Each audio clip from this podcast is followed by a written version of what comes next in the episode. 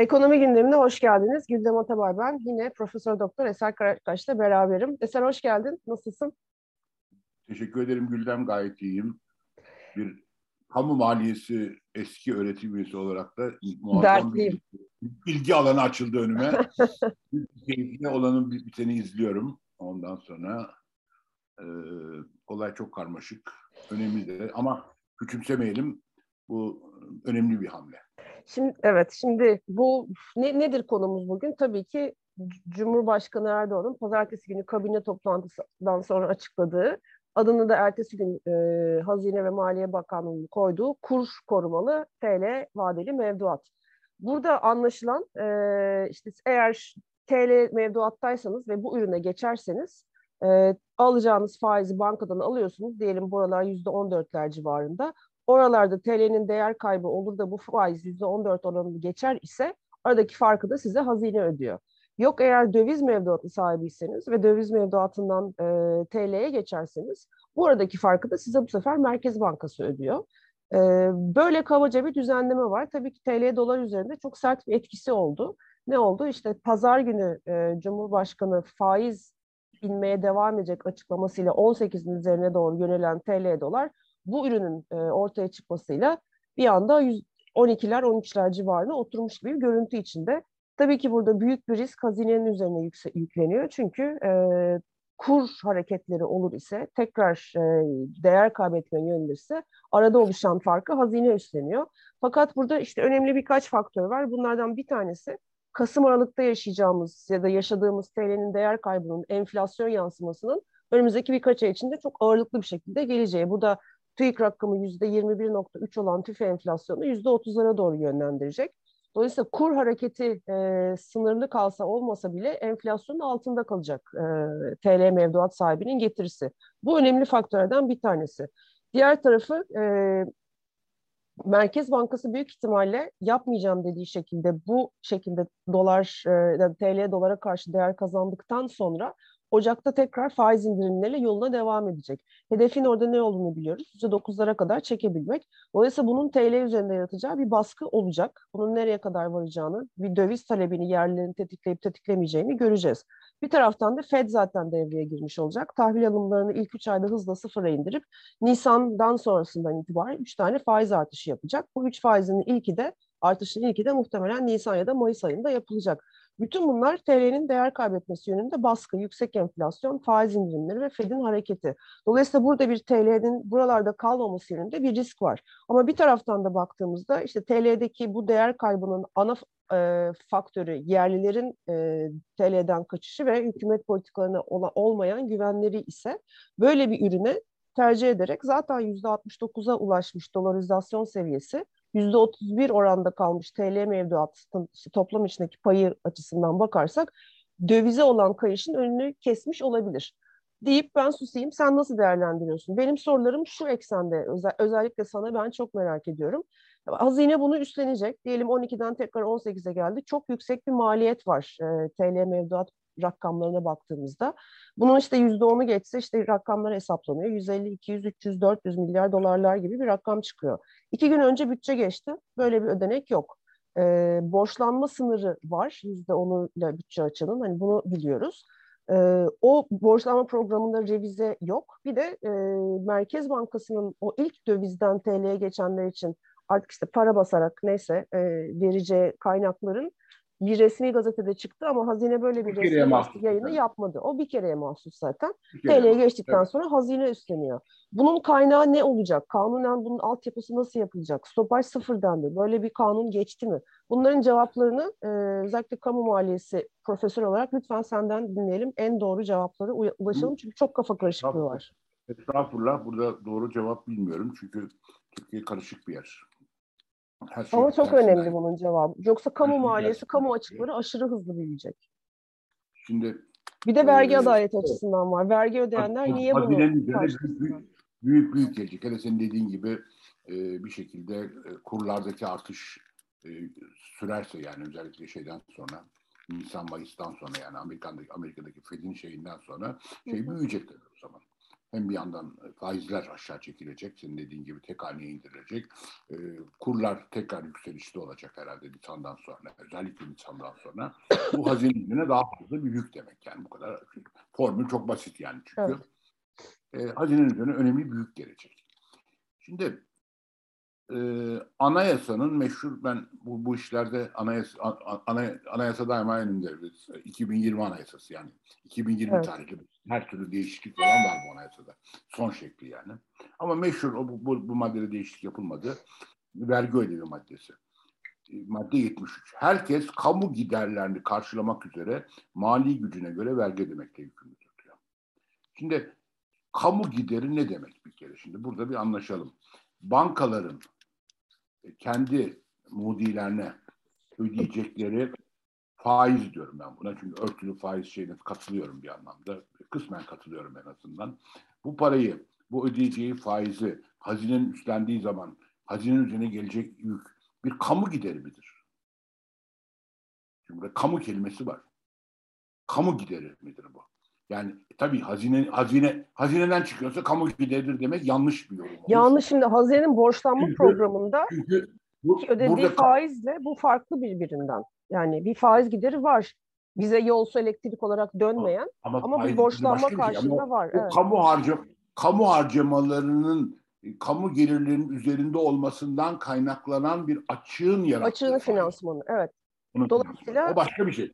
Şimdi bu, bunun kamu hizmeti kavramıyla hiçbir alakası yok. Yok, evet, katılıyorum. Yani kamu yararıyla, kamusal alanla alakalı bir şey değil. Atıyorum X özel bankasındaki bir Moody'nin e, şeyini finanse edecek hazine. Şimdi bu bir kamu gideri midir? Şimdi eğer böyle bir Bence yasal değildir. Düzen, bence de değildir. Kesinlikle değildir üstelik yani. Ee, eğer böyle bir yasal düzenleme yapacaklarsa yapmak zorundalar. Çünkü madem hazinedan para çıkacak, bunun bir yasal düzenleme yapmadan yapmaları mümkün değil. Ha burada zorlanırlarsa Merkez Bankası üzerine atarlar bütün yükü. Merkez Bankası para basarak yapar bu işi. Bir, bir süre Merkez Bankası kendi karlarıyla yapar bunu. Çünkü bu sene işler çok kötü gittiği için Merkez Bankası'nın karı çok büyük olacak. Öyle bir adet vardır yani malum biliyorsun. İşler kötü gittiği zaman Merkez Bankası çok kar eder. İşler iyi gittiği zaman Merkez Bankası'nın karı çok düşer. Bir Merkez Bankası işler kötü gittiği zaman ekonomide özellikle kurlarla büyük bir artış varsa Merkez Bankası büyük para kazanıyor. Dolayısıyla bir süre Merkez Bankası'na götürebilirler ama o da korkunç bir enflasyon yükü demektir ki e, onun da sonu nereye gelecek belli değil.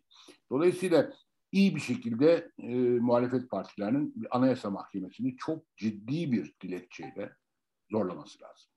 Evet. Bu, bu konuda. Yani evet, bu yoksa gerçekten gideri, bu bir kamu gideri değil. Büyük risk altında. Eğer bunu kamu gideri kamu gideri derse şey Anayasa Mahkemesi de bunlar yani bu e, özel bankaların mudilerine ya da kamu bankalar fark etmez. E, ticari bankaların hepsi ticari banka sonuç olarak. Ticari bankaların giderlerinin e, faizlerinin e, devlet tarafından ödenmesi bir kamu gideridir derse o zaman bütün kamu maliyesi hocalarının bence doktoralarını iade etmeleri lazım. Yükün önüne komaları lazım ya da rektörlükleri. Çünkü biz böyle öğrenmedik. Anlatabiliyor muyum? Bu saçma sapan bir şey. Dolayısıyla burada bütün önemli şey burada bu 73. maddenin çok iyi değerlendirilmesi. Çünkü son olarak evet. vergi finanse ediyorsun. Vergi, resim, harç ve benzeri mali yükümlülükler şunlar, şunlar kanunun belirttiği yukarı ve için değişiklik yapmak gerekir. Cumhurbaşkanı verilmiştir diyor. Ama sonuç olarak ne diyor? Vergi, resim, harç ve benzeri mali yükümlülükler kanunla konulur, değiştirilir veya kaldırılır diyor. Mutlaka bir kanun çıkarmak zorundalar. Ama burada evet. anahtar kelimede kamu gideri bunu kamu gideri kavramını nasıl şey yapacağımızı bence bu işin hani argoda bir tabir vardı. Zurnanın zırt dediği diye. Zurnanın zırt dediği yer e, işte bence bu kamu gideri kavramı olacak bu süreçte. Evet. Dolayısıyla e, bunu çok iyi görmek lazım. Dolayısıyla şunu da şöyle okuyabilir miyiz o zaman? Hani Merkez Bankası'nın bu e, destekleme kararı tek seferlik dövizden TL'ye dönüşte resmi gazetede çıkabildi. Çünkü para basma yetkisi var ve aslında onun Hazine olması gerekir ama hazinenin çıkamadı çünkü böyle bir kanun değişiklik yok şu anda. Evet. Ve ne yapacaklarını evet. biraz bilmiyorlar benim Bilemiyorlar. Nasıl, nasıl bir yasal düzenleme yapacaklarını bilemiyorlar. Evet. Hazine Bakanı'nın buna olaya hiç aklı ermez. Yani onun işi değil o. Mutlaka bürokratlar kendi işlerinde ya da işte saraydaki danışmanlar bunu tartışıyor. Nasıl bir düzenleme yapalım diye.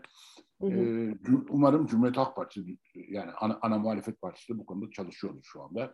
Yani bunun bu 73. maddenin işte bu kamu lideri ifadesi üzerinden e, şey yapmak. Yani evet.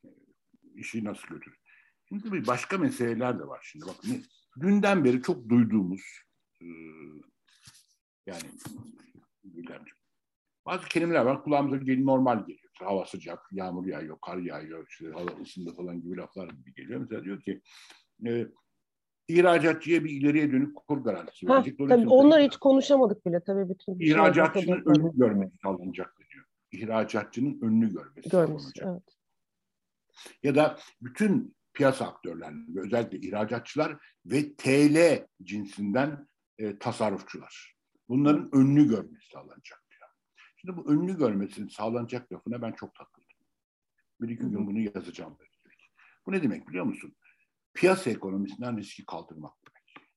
Evet.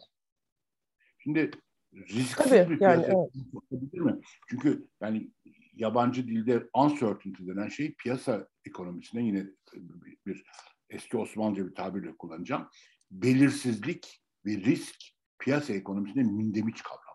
İçsel kavramlardır. Mündemiş denirdi. İçsel kavramlardır. Eğer piyasa ekonomisinden riskleri ve belirsizlikleri kaldırmaya için ve bunu da marifetmiş gibi yaparsan işte başka türlü bir ekonomiye geçmiş olur. Anglo-Sakson e, iktisat ideolojisindeki o çok e, avam ama çok doğru laf gündeme gelir. No risk, no gain. Evet, risk yani yoksa, yoksa kazanç da yoktur. Yok. Ee, peki burada şöyle gider. bir şey var. Normalde belirsizlikleri kaldırmak zaten hani bu şekilde şey belirsizliğin değil. yarattığı zararını karşılıyorumla değil, güven verici politikalarla olur. Öngörü sağlanarak olur. A, o olabilir tabii ama maksimumun bu olması gerekiyor. İdari düzenlemeleri yapıyor. İda, Gülden evet. idari düzenlemelerle Tabii tabii işte aradaki farkı söylemeye oluyor. çalışıyorum. Şimdi aradaki fark çok önemli. Çok teşekkür ederim.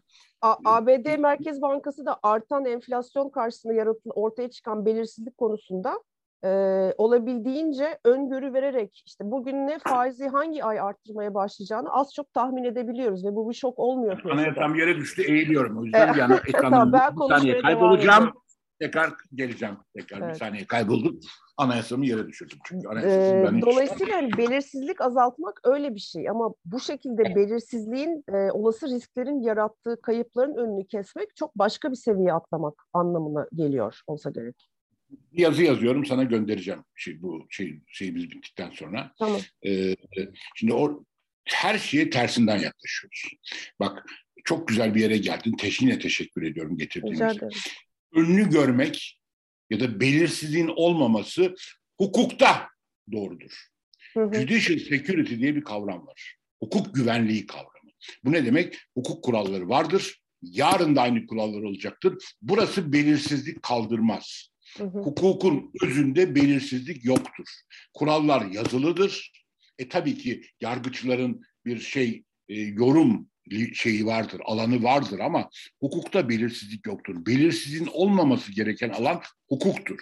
Ama ekonominin özünde belirsizlik vardır ve iyi bir şeydir. Eğer hukuktan belirsizliği kaldırırsan belirsizliği kaldırırsan o zaman daha yeteneksizler, daha az verimliler de yetenekliler ve verimliler kadar para kazanmaya başlarlar ki bu ekonominin sonu demektir.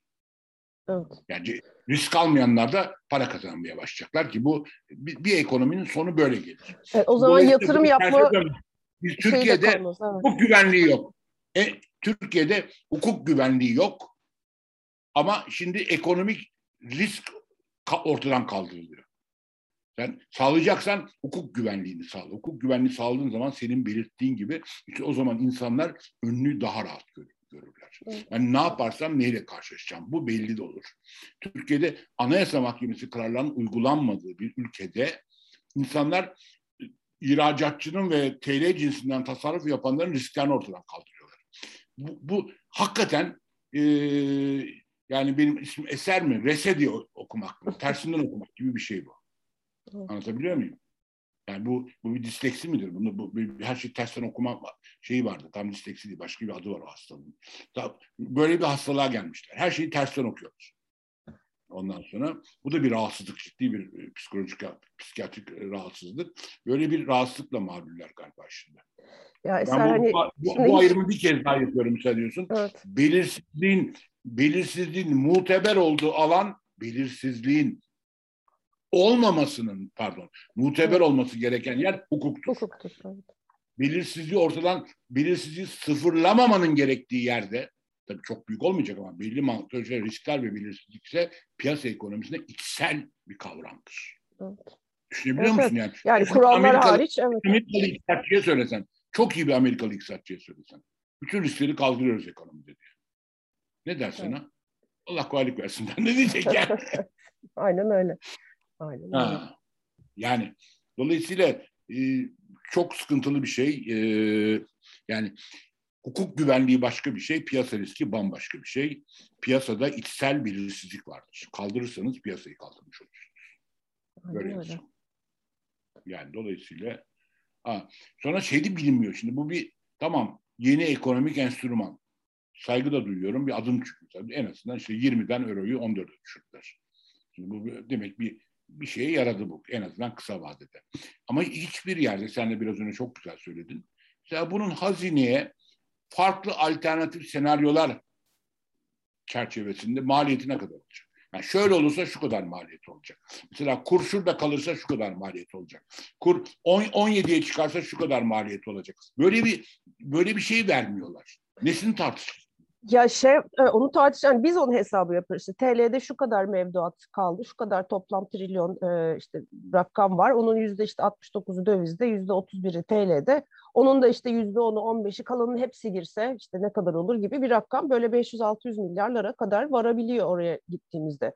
Ama işin ilginç tarafı da e, hani dün akşam e, Bakan Nebati'nin hani gözlerime bakıp gözlerime rakam konuşmaya gerek yok açıklaması hani dehşet verici e, açıklaması dehşet eşliğinde. E, bugün de mesela Hande Fırat'ın köşesinde bir yazı var. Bir, yine bir saraya yakın birileriyle konuşmuş. isimler yok. Diyor ki zaten hani biz e, hazineye yük olmasını da beklemiyoruz. Çünkü TL değer kaybetmeyecek gibi bir yaklaşım var. Şimdi hani bu ne kadar gerçekti zaten işte tartıştık. FED faiz artışı, Merkez Bankası faiz indirimi ve enflasyon yükseldiği bir dönemde TL ne kadar burada kalabilecek? Ee, işte kamu bankaları bastıracaktır, döviz satışı Merkez Bankası'na olacaktır. Ama onun arkasından nereye fırlayacaktır, fırlayacak mıdır onları göreceğiz. Bir taraftan da işte bizim beklentimiz 50 milyar doların satılması gibi bir rakam var. 50 milyar dolar büyük bir para. Hani IMF kaynağına ulaşıp de, gidip de alamadığımız o 50 milyar dolar sisteme girse evet çok büyük bir e, kazanç olur TL açısından, enflasyon düşmesi açısından vesaire vesaire. Yani dediğim gibi bir hesap yok ve bu rakamlar havada uçuşuyor. Hani 50 milyar dolar olur mu, olmaz mı? Olursa niye olur, olmazsa niye olmaz? Bunları da bilmiyorum hani. 50 milyar bilip, doların şeyi nerede yani? Kaynağı nedir onu? Belli değil. İşte banka mevduatları yani 200 banka bankadaki 200 küsür milyar doların e, 50 milyar doları çözülse bize yetiyor zaten o kadar da bekliyoruz diyor. İşte bu arada da o çözülecek de TL üzerinde baskı olmayacak, hazineye maliyeti olmayacak. Banka çocuktan çok anlamam ama bir yanlışım varsa söyle. Şimdi %9'a düşecekler zaten faizleri. Evet. Dolayısıyla garanti edecekleri paranın e, zaten döviz kuru kadar olacak aşağı yukarı. Biraz tabii daha tabii. tabii. O zaman insanlar neden böyle akın akın 50 milyar dolar gibi büyük bir işte. rakamı neden dövizden TL'ye dönsünler? Aynen öyle. O arada çok küçük faiz farkı için? O zaman buradan nereye geliyoruz işte hani hazineye maliyeti olmayacaktır zaten gibi bir yaklaşım çok e, hani devlet ciddiyetinden uzak duruyor tabii insanın gözüne. Niye dönsün insanlar şeye yani o zaman? Ee, yani ellerinde bir tane hazır şey var. Yani bir dolar var. Altında Jerome Powell'ın imzası var. Yani Janet Yellen'ın ya da Jerome Powell'ın imzası olan dolar var. Bir tane de e, Nebati ile Erdoğan'ın e, yeni ekonomik alet lafı var. Hangisine daha çok güvenecekler sence? Dövize güvenecekler tabii. yani... Bir taraftan da biliyorsun şey suç e, olacak artık BDK bu dövizdeki pozitif gidişi e, eleştiren yaklaşımların artık suç duyurusunda bulunacaklarını açıkladı. Yani burada bunları konuşmak bile hani bu şekilde değerlendirmek, akıl yürütmek, yani işimizi yapmak bile suç olabilir. Ama BDK'nın lafı da çok Öyle hoş. bir açıklama mı yaptı BDK? Tabii tabii. Dövizdeki pozitif gidişi, iyi trendi e, baltalayacak şekilde yapılan şeylere suç duyusu dedi. Allah Allah. Bak bulayım da yollayayım şey, sana gözünden kaçmış. Aa, ben girmedim BDDK'nın sayfasına. Bundan sonra çok gireceğim çünkü bir şeyin de çok iyi bir fotoğrafını görmek istiyorum. Ee, Türkiye'deki mevduat yapısının bütün detaylı fotoğrafı. Orada var tabii. Var, hepsi var BDDK'nın sayfasında çok uğraşacağım bugünlerde. Yani böyle bir laf var. E, aşağı yukarı yüzde 93'ü şeylerin e, mevduat sayısının ama toplam mevduat değerinin değil. Mevduat sayısının, hesap sayısının yüzde yedisi e, zaten 3 ayın altındaymış. Üç evet. Aymış. Evet, aynen öyle. 93'ü. E, e, at, 60 gün civarı, 55 gün civarı diye biliyorum 55 gün civarı, 55-60 evet. gün civarında bir şey. E şimdi o zaman Bak, o yüzde yediyi oynuyorlar bunlar. Hazineden hepimizden alınan para o yüzde yedi, yüzde yediye gidecek o zaman. Yani. Evet. Hazine Doğru söylüyorsun. Evet. Ama yani şu da var şimdi bak orada bu, bu arada dur cümleyi buldum sana okuyayım. BDDK sosyal medya hesapları üzerinden kur hareketlerindeki olumlu seyri manipüle etmeye yönelik girişimlerde bulunan kişiler hakkında suç duyurusunda bulunacağını açıkladı. Cümle bu. İlgili ya yani ilginç olan da kur hareketlerindeki ol, olumlu seyri manipüle etmeye girişmek. Yani hani TL burada kalmayabilir diye akıl yürüttüğümüzde biz acaba manipüle ediyor mu oluyoruz şimdi? Onu bilemedim ben. Et, ya, olmadığımızı ben düşünüyorum. Benim adıma konuşma. Sen kendine dikkat et. ee, neyse bunun dışında da o o dediğin şeyde şimdi TL mevduatları evet burada ama bu zaten çözülmeyen bir mevduat e, stoğu var orada. Bir aylık vadeye, bir buçuk aylık vadeye bağlasa bile o vade sürekli bağlanıyor, bağlanıyor, dönüyor. Dolayısıyla ona böyle çok da aslında belli bir miktarına e, hani bir ay yatıyor, çekiliyor, başka yere gidiyor, dönüyor, bir ay daha yatıyor değil güvensizlik olduğu için hani Türk insanın 30-40 yıldır yaşadıkları ekonomide o bir ay bir ay bir ay bir ay dönüyor. Aslında belki de yıllarca kalan orada da bir kemik bir kesim var. Bir de o, o var. Hani asıl hedef sanıyorum onlar. Bir akrabam beni aradı geçen hafta yani daha bu e, yeni ekonomik alet devreye girmeden. İşte TL cinsinden tasarrufları var. Döneyim mi? Dön bence dedim yani şey dövize. Hı hı. Ama ya dövize koyarlarsa dediler ve sonuç olarak nihai olarak bütün söylediklerime rağmen TL'de kalalım daha iyi dediler. İşte o, o küçük grubun içinde onlar demek yani. Evet. Çünkü döviz, dövize çevirirlerse devletin ona el koy, koyacağından korkuyorlar. Evet ya aslında bu e, kur korumalı TL mevduatı ürünüyle aslında o dövize el konacak o, o, tartışmaları artık kapandı. Yani onu da söylemek bitti, lazım. Evet, o, o bitti ama. O risk ertelendi. Yani, yani aslında şöyle bir haklılıkları var. 18'e giden TL dolar hani 20-25'lere doğru kapı açılmıştı. Onun yarattığı riskle böyle bir riski almak açısından bu riski tercih ettik. Evet bu doğru bir tercih. Ama hani baştan zaten niye oraya gidiyordu? O risk niye ortaya çıkarıldı? Hani onu unutuyoruz. Neden ortaya çıktı? Yanlış para politikasıyla, enflasyon yükselmesine rağmen faiz indirimleriyle çıktı. Yani o riski yaratan şimdi o riskin gideceği yeri e, artık öngöremediği ve kontrolünden çıktığı için başka bir riski tercih yapıyor. Yani aslında büyük resmin gerçeği bu. Onu da atlamamak lazım herhalde. Şey ilginç bir şekilde e, muhalefet bu işin özüne yönelik bir şey de yapmıyor. Şimdilik henüz onlarla çalışıyorlar herhalde yani. Yani bu işin hukuki boyutunun vahameti konusunda bir şey söylemediler henüz daha. Evet. Yani evet. Bu, Aynen öyle. Hani hani hani Naslı eleştirisine ileri gidemediler. Ya evet o konuda çok sessizler. Hatta dün sanıyorum ya da benim göz, dikkatimi dün çekti. CHP'nin bir birkaç maddelik ekonomide yapılacakları dair açıklaması var madde madde. Hani çok toplumun yaşadığı akut krizden çok uzak açıklamalar bunlar. Ee, evet doğru açıklamalar. Hani ama insanlar açlıkla, enflasyonla sınanırken e, işte fiyat istikrarı ne bileyim işte orada şu kurumu kuracağız bunu e, kaldıracağız böyle yapacak demek bana çok böyle havada gözüktü. E, keşke biraz daha insanlara dokunan şeyler yapsalar. Burada anahtar kurum şeye geliyor, Rütük, Rütük diyorum pardon. E, istatistik kurum oluyor galiba. TÜİK oluyor galiba ve TÜİK mesela Ocak'taki bakalım enflasyon nasıl açıklayacak? açıklayacak evet. Nasıl açıklayacak? Orada çok büyük bahsediyor. Aralık daha var tabii. Hani Oca 4 Ocak'ta bir açıklayacak hani Aralık enflasyonu çift tane bekleniyor yaşadıklarından sonra. Çünkü bir de şunu vurgulamak lazım. Mesela şimdi akaryakıt fiyatlarında TL'deki değer kazanımına bağlı olan e, süreçte bu sübvanse etmek artık sıfıra inmişti e, vergiler. O vergilere doğru yansıtılır. Yani kamunun gelirleri arttırılacak o açıdan. Akaryakıt fiyatlarında bile bir iniş beklenmiyor. E, yapılan zamların geri çekilmesi beklenmiyor. Özellikle temel tüketim e, ürünlerinde. Ha belki bir sonraki dalga, bir 12 ay sonrası dalga üzerinde etkisi olabilir TL'deki değer kazanımının. O da kalırsa tabii. Dolayısıyla kısa vadede böyle işte dün Yeni Şafak falan yazmış işte süt fiyatları, et fiyatları düşecek, TL değer kazandı. O tabii doğru bir yaklaşım değil. Gerçekçi bir beklenti oluşturulmuyor orada.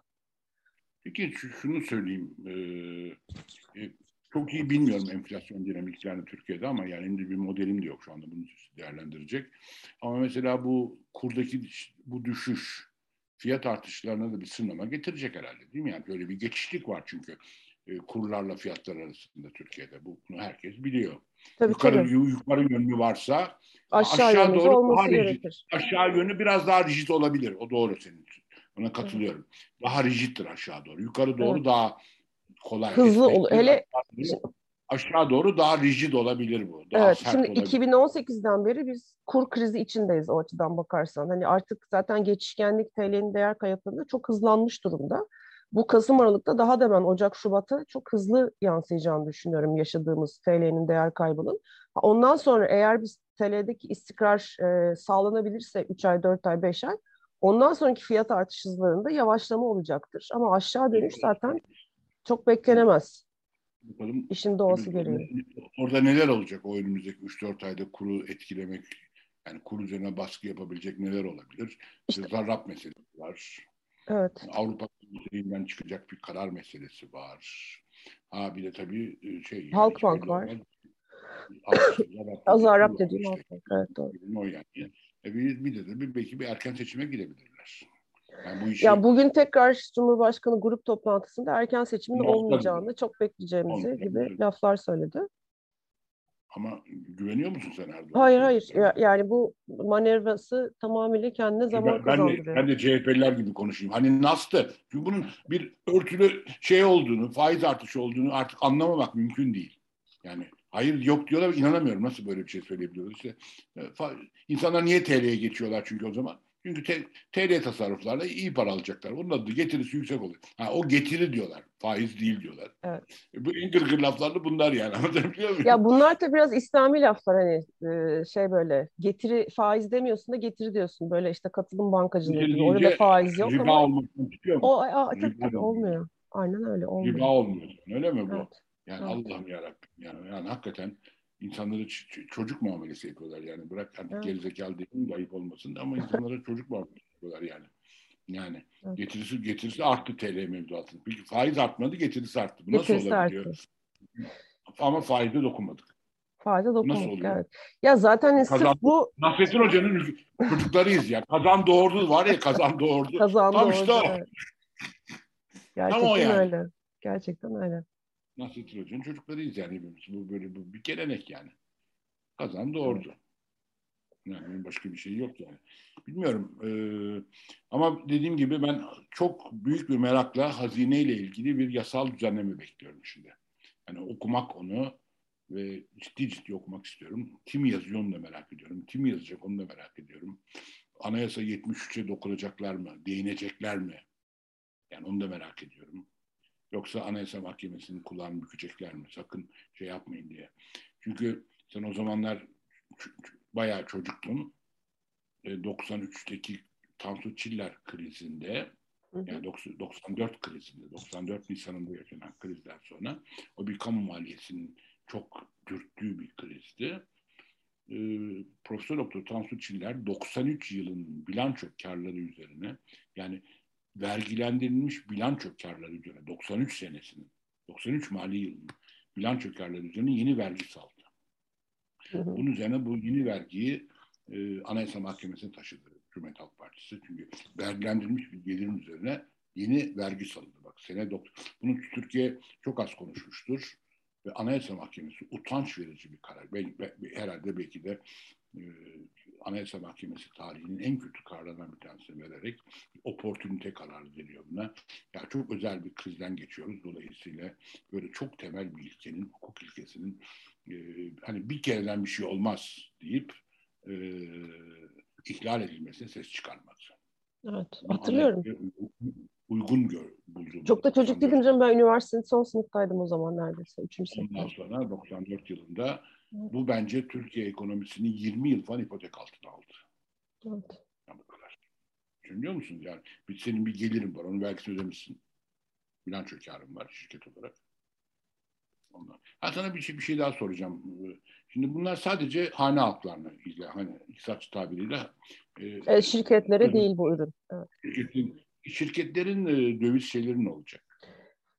İşte ihracat yapmayan şirketi hiçbir avantajı yok. Zaten yani ihracat için tutuyorsan tutuyorsun ve sana forward kur vererek işini rahatlatıyor. Ama şirketsin ve spekülatif sebeplerle tutuyorsan e, o zaman işte seni de e, dövizini bozdurmaya yönlendiriyor o zaman.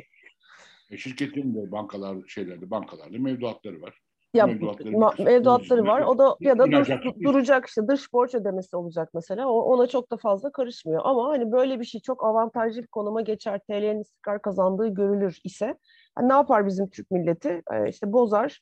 Hani o parayla şahsi hesaplar açılıp bu, bu şeyin altına girilebilir ama hani temel olarak ihracat geliri, işte ithalat gideri olmayan ama dış borcu olan şirketlerin döviz mevduatları hedefte değil.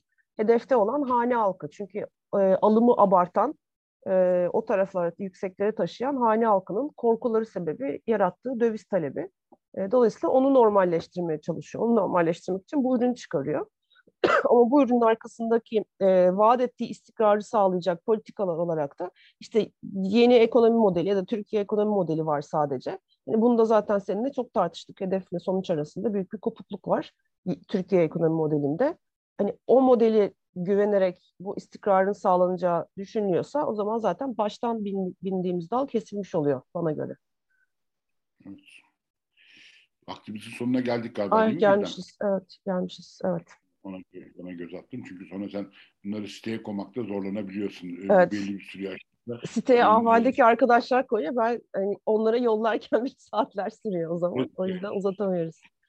Evet bunlar e, yani her şeyin bir maliyeti var. Bu, bu Amerikan Anglo-Sakson iktisat ideolojisinde güzel laflar var. No risk no gain diye. Bir de there is no free lunch diye bir şey var. Evet. Yani bedava şey yok. Bedava yemek yok. Bedava Bedava köfte yok. mama yok. Evet.